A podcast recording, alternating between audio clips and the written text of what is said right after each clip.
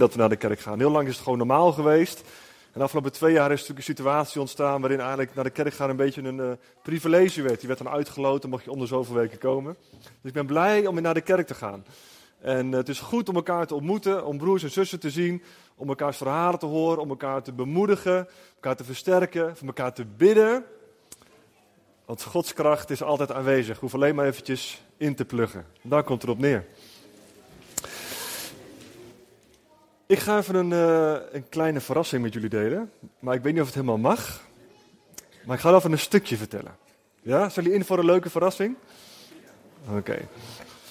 Over twee weken, op 27 uh, maart, dan hebben we een familiedag met z'n allen. En dat is een heel ander soort dienst dan vandaag. Dan gaan we allemaal hele leuke interactieve uh, activiteiten houden. Ook speciaal voor gezinnen ook. Dus gezinnen krijgen ook een speciale uitnodiging. En uh, nou, het wordt echt een hele leuke ochtend. Gewoon om half elf tot, uh, tot twaalf. Maar om twaalf uur, dan gaat iets bijzonders gebeuren. Het wordt helemaal stil. Om twaalf uur komt er hier iemand, of iemanden, dat is een goed Nederlands, en die gaat voor ons heerlijk koken. Ja? Die gaat uitgebreid voor ons allemaal koken. Dus dan kan je na de dienst kan je allemaal verzamelen. En dan staat er heerlijk eten voor jullie klaar. Ja? En hoe precies en wat precies, dat is nog een beetje een verrassing. Ik mag volgens mij nog niet alles vertellen. Maar uh, ik kan alvast verklappen, het wordt echt een culinaire, fantastische verrassing. Ja? Dus uh, kom zelf, neem jezelf mee, neem je vrouw, kinderen, moeder, zus, achterbuurvrouw, nichtjes, ooms en tantes, allemaal mee. En we gaan echt een leuke ochtend hebben met elkaar. Echt een familiedag. En daarna gaan we fantastisch lekker eten. En ik beloof je, het zal een leuke verrassing zijn. Een aangename verrassing. ja? Nou, die week daarna, dan is het um, 2 april, zaterdag 2 april. Daar wil ik je nog eventjes voor uitnodigen. We hebben hier overdag zaterdag een uh, praktijkdag, wandelen in je bestemming. Dus ben je op zoek naar je bestemming. Uh, wat heeft God voor mij? Uh, wat is Gods plan voor mijn leven? of je ervaart wel een plan, maar er zitten misschien blokkades op je leven. Dan hebben we hier op deze plek van 10 tot 5 een trainingsdag met Jaap en Astrid. Aansluitend, s'avonds van 8 tot half 11 hebben we een worshipavond met Arnan en Anne, Anne. Met een hele grote band. Ik geloof dat ze met z'n zevende komen met, met drumstel, gitaar en alles op en eraan. En vorige keer was het vet cool. Dus ik hoop dat je daar allemaal voor aanmeldt via de website. Gewoon via websites, allebei de events staan daar. Dus dan kunnen we daarvoor aanmelden. Nou, klinkt goed toch? Want een van de doelstellingen van Leefzutphen is dat we een trainingscentrum zijn. We willen mensen toerusten en trainen, plaatselijk, gewoon hier in Zutphen, maar ook landelijk willen we een plek zijn waar mensen toegerust worden. Verbinden inspireren en uitdelen. Verbinden, inspireren, uitdelen. Ja, we hebben geen beamer vandaag, want alle beampiloten zijn geveld door corona. Het bestaat nog. ja? Dus daarom hebben we geen beamer vandaag. Maar um, we zijn geroepen om te verbinden, te inspireren en uit te delen. Dat doen we lokaal, maar eigenlijk ook nationaal. Afgelopen vrijdag ben ik naar een Empowered 21 conferentie geweest. Misschien heb je daar iets voorbij van zien komen op de social media. Empowered 21. Dat is uh, georganiseerd volgend jaar juni. Komen er 10.000 voorgangers en leiders uh, naar Amsterdam. En uh, die worden bekrachtigd. Ze huren, ja, de, hele rij in Amsterdam wordt afgehuurd voor drie, vier dagen. En daarna vindt er een eindevent plaats in het Olympisch Stadion. En um, dat is een Empowered 21 is een is een relatiegericht netwerk waarin mensen bekrachtigd worden, waarin bedieningen en leiders aan elkaar gekoppeld worden. En het doel is eigenlijk om een wereldwijd netwerk van geestvervulde christenen eh, te creëren, om het koninkrijk van God eigenlijk uh, zichtbaar te maken, echt te versterken. Het bekrachtigen van het werk van God. En een van de dingen is, uh, ze willen eenheid creëren onder christenen, ze willen focussen op de dingen die van belang zijn ze willen voorzien. Ze hebben een enorme pot met geld. Anders kan je ook het Olympisch Stadion niet afhuren bijvoorbeeld. Er zitten echt miljoenen in. En ze willen ook bedieningen daarmee ondersteunen. Uh, ze willen ontdekken wat, wat is Gods wil voor deze tijd. En als laatste willen ze ons bekrachtigen om te gaan getuigen. Dus we mogen opgeroepen worden om te gaan getuigen van het werk van God. En um, uh, het was eigenlijk een voorbereiding voor het event van volgend jaar. En uh, we werden eigenlijk um, um, opgeroepen, om gevraagd, gemotiveerd om daarin bij te dragen. En ik hou van die hele grote events. Ik vind het een mooie grote aantallen. Wat ze eigenlijk ook zeiden, en dat heeft me ook wel geïnspireerd. Het gaat om die ene. Dus every one is ook de slogan. Iedereen. En je kan in een enorme grote zaal zitten, een enorm stadion vol. Maar uiteindelijk gaat het om die ene. Is in die enorme massa waar iedereen opgaat en iedereen zich misschien wel verloren voelt tussen al die leiders en volgangers en, uh, en, en, en, en allemaal mensen met bedieningen. Daar kan je misschien wat onzeker van voelen of denk van nou, ik ben wel wat, weet je wel. Dat kan ook. Maar uiteindelijk, ook in deze zaal, God kijkt altijd naar die ene. Hij kijkt altijd naar die ene. Hij laat de 99 achter en gaat op zoek naar de ene. En dat is ook het doel van die conferentie ook. Is ook hoe God kijkt. God houdt ook van aantallen. God houdt van, ook van stadions vol van mensen die hem worshipen. Maar in die stadions vol gaat zijn zoeklicht naar die ene. En hoe bijzonder is dat? En dat is nooit anders geweest. God had een volk van, van God, was Israël. Was, is nog steeds Israël. En in dat grote volk had hij een aantal mensen die hij aanstelde. Een Samuel, een Simpson, een David, uh, andere mensen. Dus in zijn, in, in zijn totaliteit kijkt God naar het volk. Heeft een plan met het volk. Maar hij heeft ook een perspectief voor de persoon, voor die ene. En je begint pas eigenlijk te bouwen aan Gods koninkrijk als je de ene kan bereiken. Als je je ontfermt over één, als je investeert in één, dan kan die ander weer verder gaan. En zo kan je eigenlijk het koninkrijk van God gaan verspreiden. En um, het thema voor vandaag is ook God van de perspectieven. God heeft altijd een dieper en een groter perspectief dan wij. En wij kunnen een deel van ons leven voorzien. Je hebt misschien wel een plan om straks na de dienst eh, lekker te gaan lunchen thuis. En met uh, familie of vrienden of wat dan ook. Maar misschien val je straks wel van je fiets en lig je straks in het ziekenhuis, weet je wel? Je weet nooit wat er, wat er gaat gebeuren. We weten het niet. Er is nu oorlog in Oekraïne. Uh, loopt dat met een sisser voor ons af? Of uh, zitten wij straks ook betrokken in de oorlog? We weten het niet. Maar God kijkt door de eeuwen heen, door de situaties heen, door de dagen heen. Hij heeft altijd een perspectief voor ons klaar liggen. En dat is zo bijzonder voor de grote massa, maar ook voor ieder van ons persoonlijk. Nou, dat is even de inleiding voor de preek. Als je wil, mag je meelezen Genesis 3. Je mag ook luisteren, ik ga het ook voorlezen.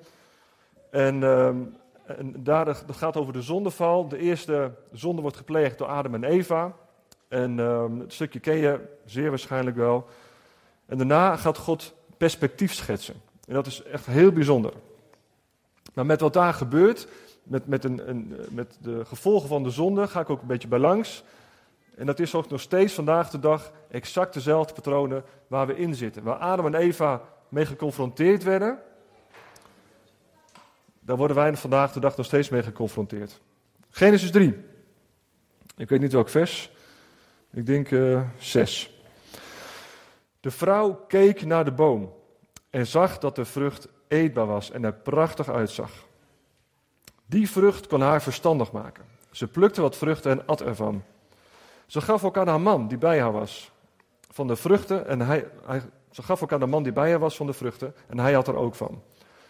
Toen ze dat gedaan hadden, kregen ze door dat ze naakt waren en ze schaamden zich. Van bladeren van een vijgenboom maakten ze schorten en hingen die om hun middel. Die avond hoorden zij God door de hof wandelen. En zij verborgen zich tussen de bomen.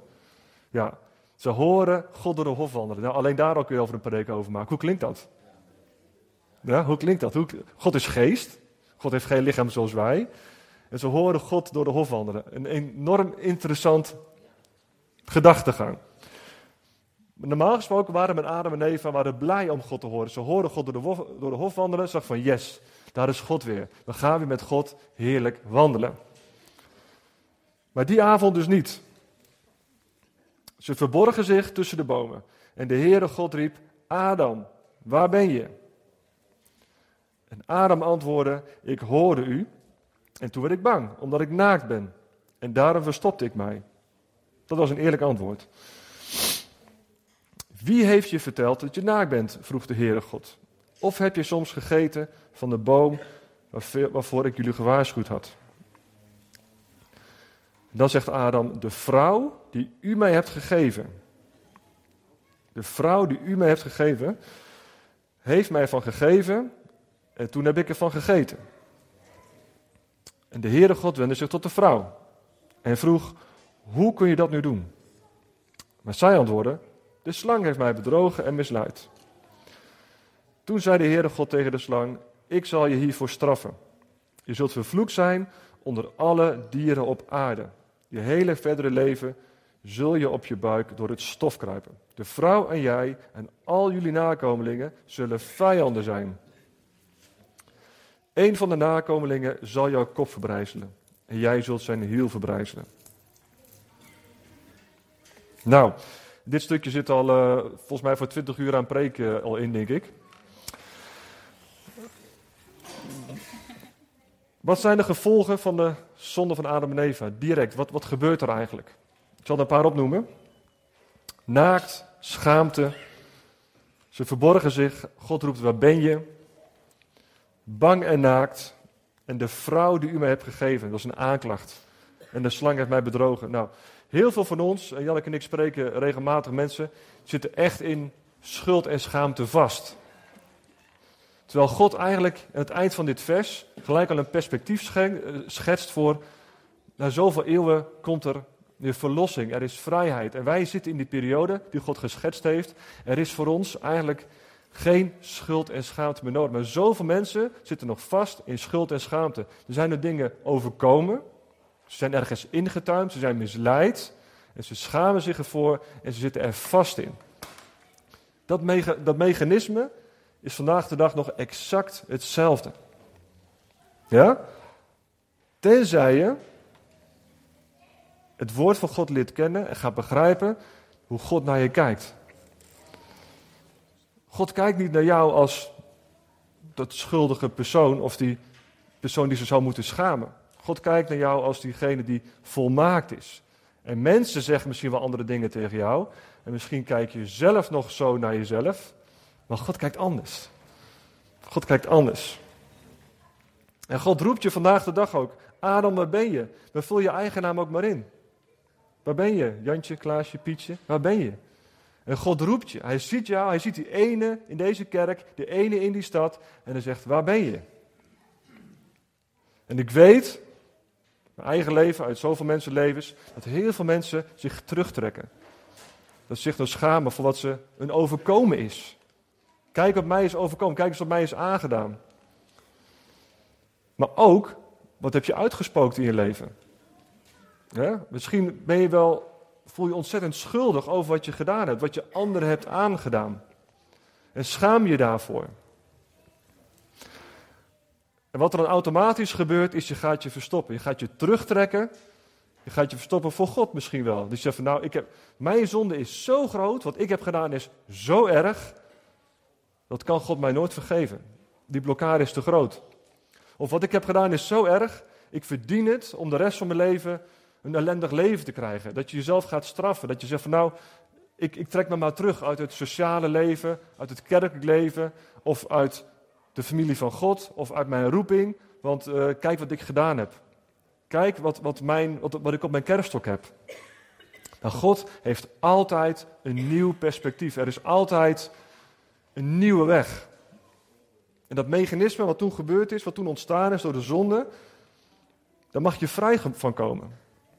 Er is geen enkele reden om je nog gebukt te gaan onder schuld en schaamte. Geen enkele. Dus je mag eruit komen. Als je daar onder gebukt gaat, en ik weet dat mensen aan vastzitten, dan mag je erop vertrouwen dat God jou ziet als rein, heilig en volmaakt. Als je dicht bij Hem bent, als je je leven aan Hem hebt gegeven.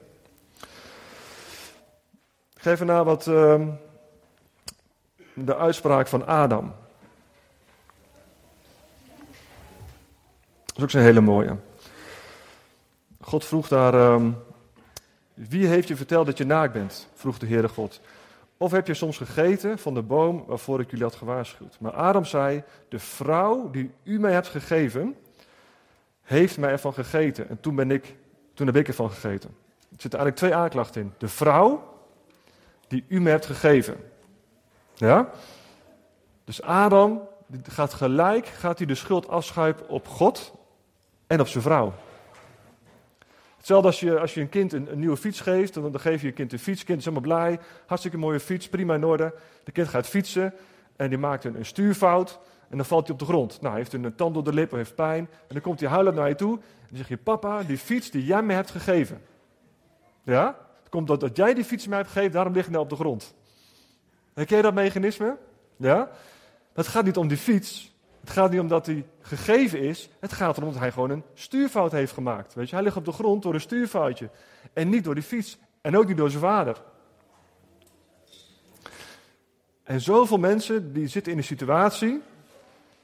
En dan, dan geven ze een ander de schuld. Ja, maar ik, ik, doe dit. Ik heb dit gedrag. Ik vertoon deze dingen. Dat komt door die. En dat komt door die. En eigenlijk heeft diegene er mij toe aangezet. Zodat ik nou dat gedrag ga vertonen. Of dat ik nou dit heb gedaan. En dat kan.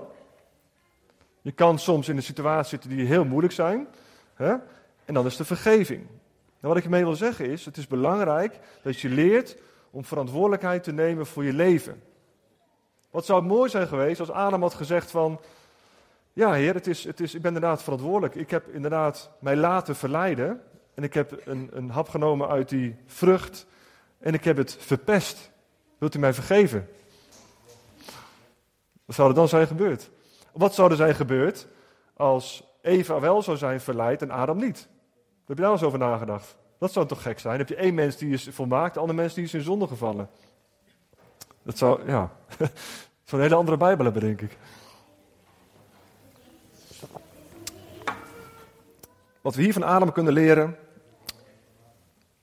Adam is de eerste die een ander de schuld gaf. Hij gaf God de schuld. Het komt door God dat ik het heb gedaan, want u heeft mij die vrouw gegeven. En vervolgens komt ook nog een keertje door die vrouw. Ja? Nou, het is goed om eventjes een zelfreflectie te doen. Als je iets niet goed hebt gedaan, dat gebeurt ons allemaal. Dat gebeurt mij dagelijks en jullie allemaal. Maar neem je dan de verantwoordelijkheid daarover? Zeg van, hé, hey, het was gewoon niet goed. Of ga je wijzen? Ja, maar zus, zo. Of, uh, hè? dat kan je soms in de reactie of in de emotie, kan je even beginnen te wijzen en even te beginnen te, ja, wat moeilijk te doen. Dat kan soms, maar uiteindelijk, als je daar doorheen bent en de emoties zijn gezakt, zeg je van ja, ik was fout. Ik was gewoon fout, ik heb het niet goed gedaan. Heer, wilt u mij vergeven? Of je gaat naar die persoon toe die jou mag vergeven. En zo hou je die gevoelens van schuld en schaamte onder de duim, onder het kruis misschien beter gezegd. Ik wil niet onder schuld en schaamte leven is ook totaal niet nodig. En dat geldt voor ons allemaal. God heeft altijd een nieuw perspectief. Er is geen zonde, geen ding wat je uitgesproken hebt in je leven wat te groot is daarvoor. Nou, dan gaan we naar de reactie van Eva kijken. Trouwens, de reactie van God is ook mooi. Hè? God gaat niet beschuldigen, God gaat niet aanklagen, God stelt gewoon een vraag. God zegt, Eva, hoe kon je dat nu doen? En Eva zegt gelijk, de slang. De slang heeft mij bedrogen en misleid. Dus niet van, nou heer, ik heb gezondigd, ik heb, e- ik heb Adam ook nog verleid. Nee, gelijk wijzen naar de slang, die ander. Het ligt niet aan mij, het ligt altijd aan die ander. Het ligt altijd aan die ander. Dit is een mooi Nederlands gezegde. Als je één vinger naar die ander wijst, wijs je met Drie naar jezelf. ik zeg altijd vijf, maar dat klopt niet, het zijn er drie.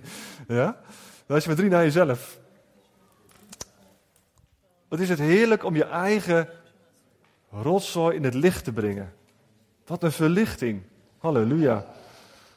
Wat een verlichting. Als je gewoon de bagger van je leven ergens kan, kan dumpen en dan zeggen: Heer, was mij schoon en ik weet dat u nu, hoe, hoe u nu naar mij kijkt. En het beeld van jezelf, mag misschien nog aangepast worden.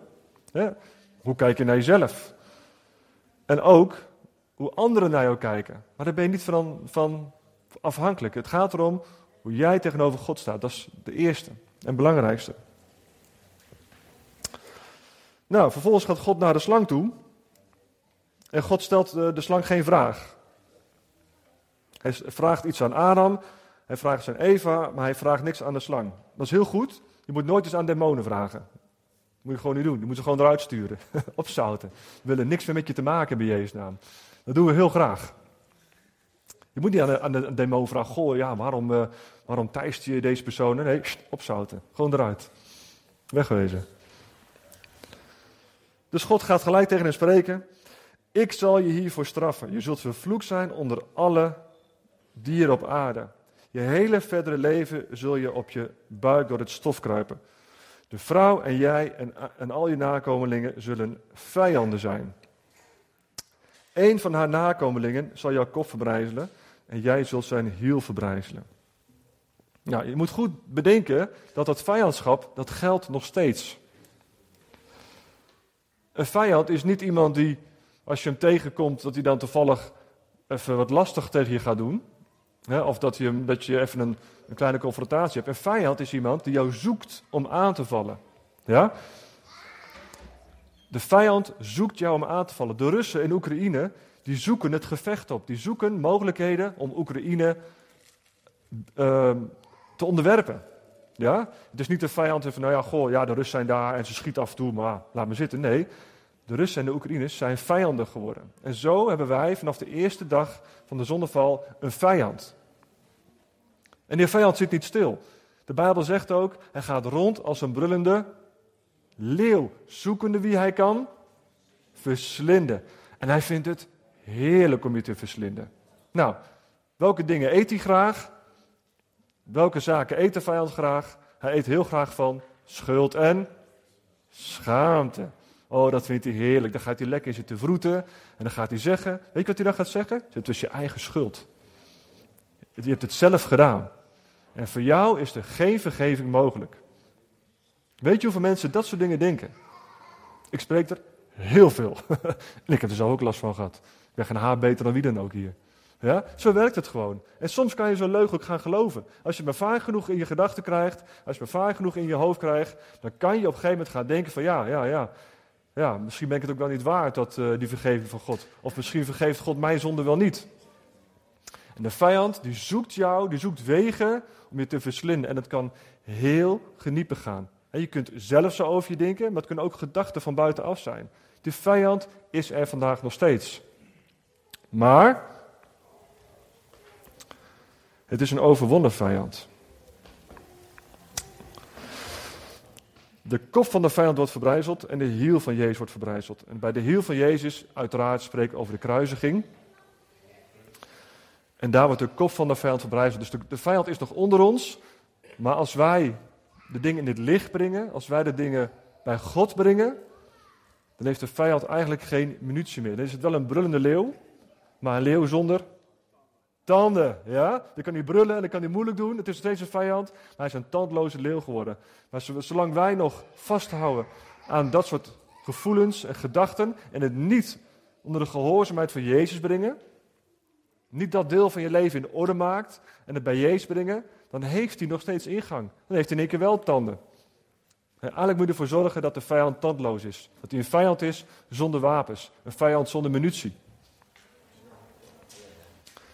In Colossense 2 zat een hele mooie tekst. Ik heb het volgens mij vorige week ook gelezen met Avemaal. Colossense 2. En u bent volmaakt geworden in hem. Die het hoofd is van iedere overheid en macht. Zeg maar even tegen je buurman dat hij volmaakt is. U bent volmaakt geworden. Je bent volmaakt. Je bent volmaakt geworden in Hem die het hoofd is van iedere macht en kracht.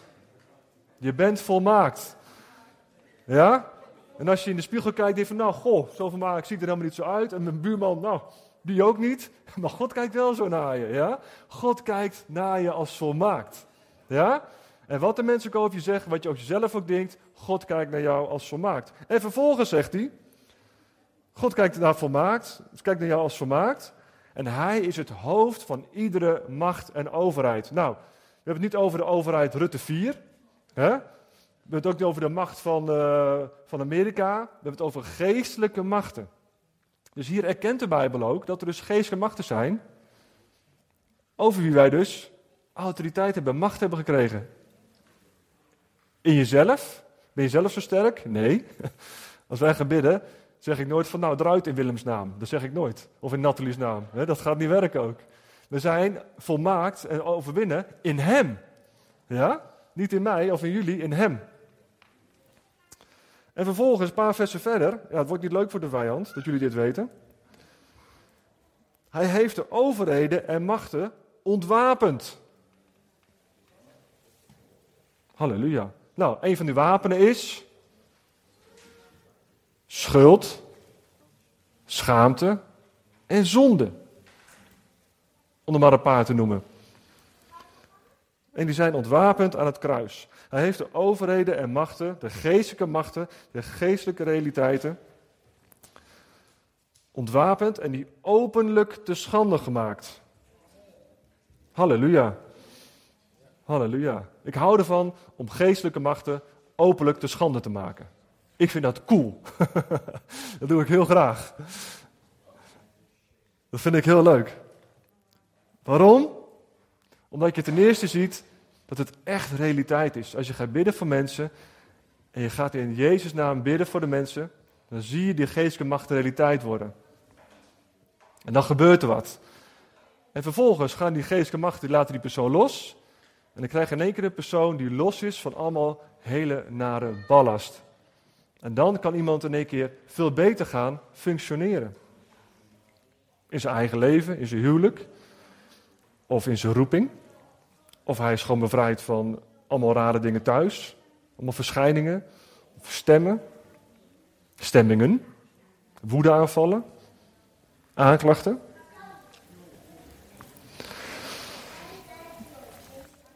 Hij heeft de overheden en machten ontwapend door schuld en schaamte en zonde bij Jezus te leggen.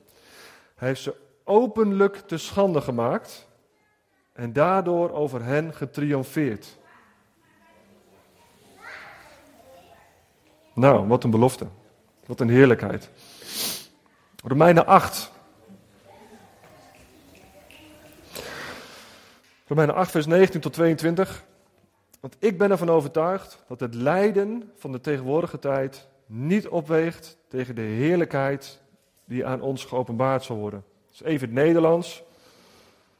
De dingen die wij op deze aarde meemaken, aan moeilijkheden, aan tegenslagen, aan verdrukkingen, die vallen in het niet bij de heerlijkheid die ons straks ten deel zal vallen. Ja? Dus nu hebben wij te maken met verdrukking, met lijden, met pijn, met allemaal moeilijke zaken die het leven ons brengt.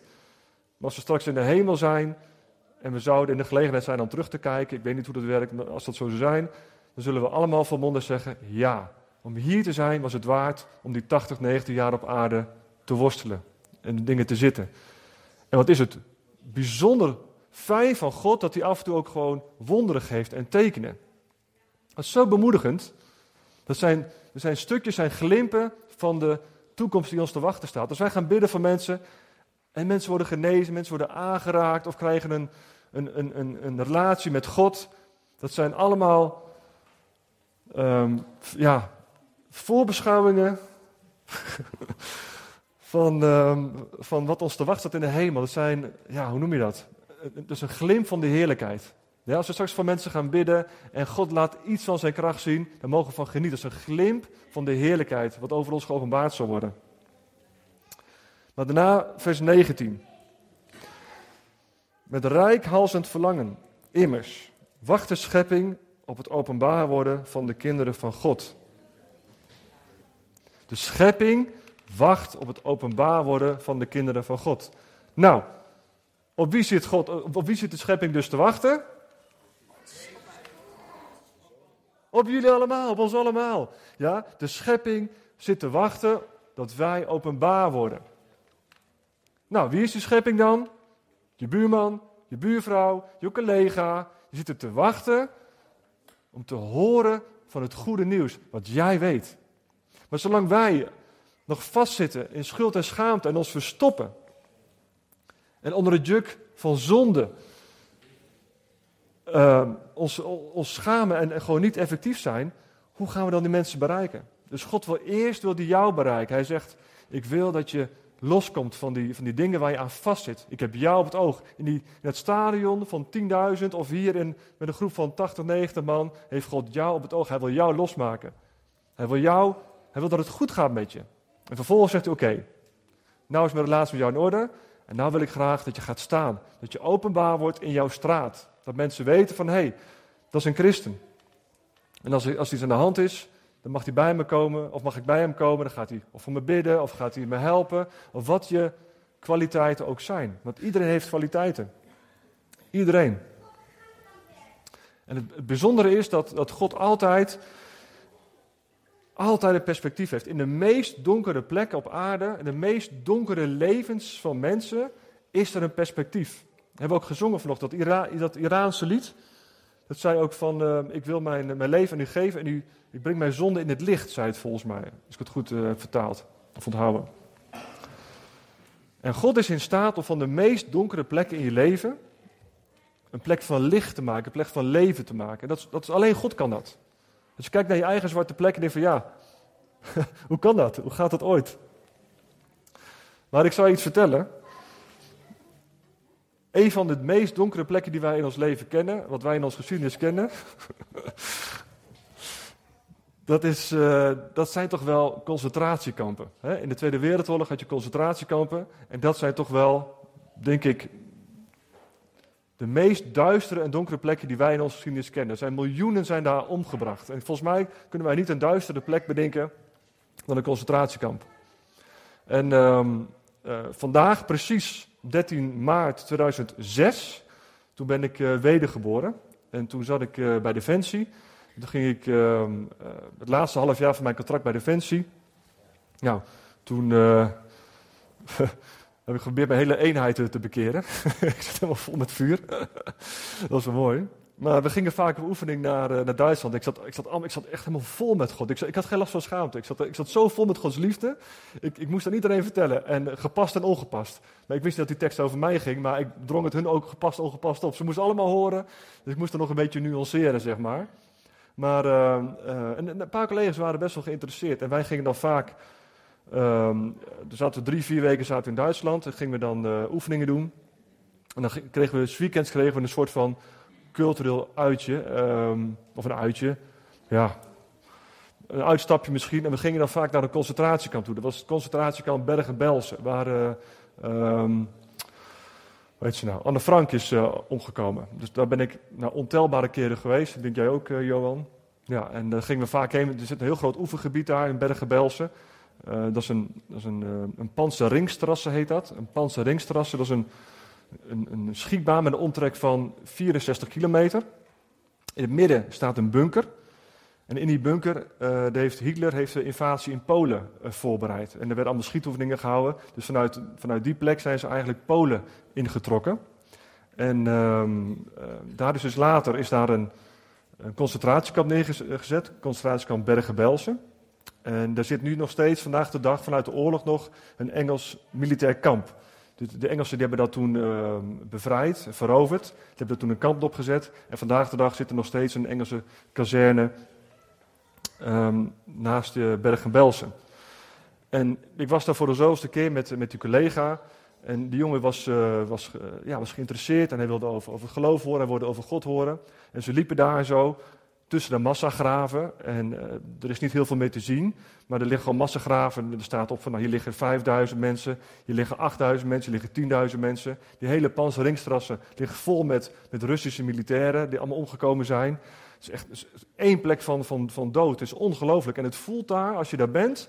Het voelt alsof de dag ervoor nog iemand is omgebracht. Het, is echt zo'n doodse stilte. Je voelt gewoon geestelijk, die plek is niet oké. Weet je wel? En Janneke en ik ook een keertje naar zo'n Eerste, Wereld, Wereldoorlog uh, slagveld geweest.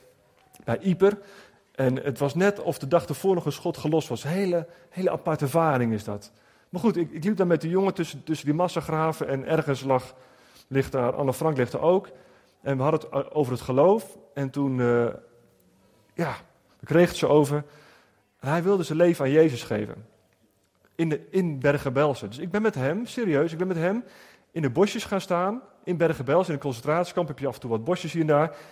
Ik zeg, kom, kom, we gaan, we gaan de bosjes in. Dus ik heb met hem ergens in de bosjes van Bergen-Belsen, heb ik hem tot de Heer gebracht. Ongelooflijk. Gewoon het zondagsgebed gebeden. Hij heeft zijn leven aan, aan, God gegeven. En um, dat zijn natuurlijk voorbeelden. Is ongelooflijk. In de, plek waar, waar zoveel dood heeft geheerst, waar dat gewoon het, het, toonbeeld van ellende in de wereld, daar heeft gewoon iemand zijn leven aan God gegeven. In de bosjes van Bergen-Belsen. Voor all. Ja, ik moest deze week weer aan denken. Sommige dingen vergeet je ook gewoon. Maar waar, waarom ik dit vertel, er is geen plek te dood voor God. Er is geen, geen, geen, geen, niks in jouw leven is te dood voor God waar Hij geen leven zou kunnen brengen. Er is geen wanhoop te groot om er weer hoop van te maken. En God geeft altijd perspectief. Toen ik in 2006 ben wedergeboren, 16 jaar geleden, toen uh, was ik helemaal happy met de Heer. En ik zat vol in de fik. Ja, Aritanja weet het nog ook. En, uh, en uh, ik stond in de fik. Ik dacht van, nou ja, God, ik heb een leuk leven met de Heer. Dat ik hier zou staan, 16 jaar later, ik had geen idee. Ik had echt geen idee. Ik had, ik had geen, het was niet eens mijn plan ook. Maar God had voor mij een perspectief van degene die vol met zonde en schuld zat naar een leven met de Heer. En zo is het ook met, met jouw leven allemaal persoonlijk. God heeft jou persoonlijk op het oog. En waar je ook zit, waar je ook vandaan komt, God heeft echt een plan voor jou. Maar wil je die dode plekken, die plekken waar geen leven is in je leven, echt aan Hem geven? Wil je de plek, de plek waar zonde en dood heerst in je leven echt bij Jezus geven? Wil je de controle overgeven? Wil je de ellende van je leven aan Hem geven? Dat je echt zegt van Heer, hier ben ik. Doe maar wat u wil, wanneer u het wil en hoe u het wil. Wil je de controle over bepaalde aspecten van je leven loslaten? Of denk je soms dat je een beter plan hebt dan God? Denk je echt door bepaalde dingen vast te houden, dat je een beter plan voor je leven hebt dan God?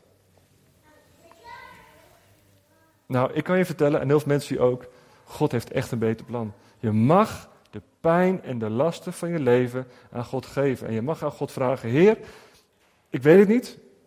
Ik heb dit meegemaakt, dat meegemaakt. Maar hier ben ik en wilt u het nu gaan doen?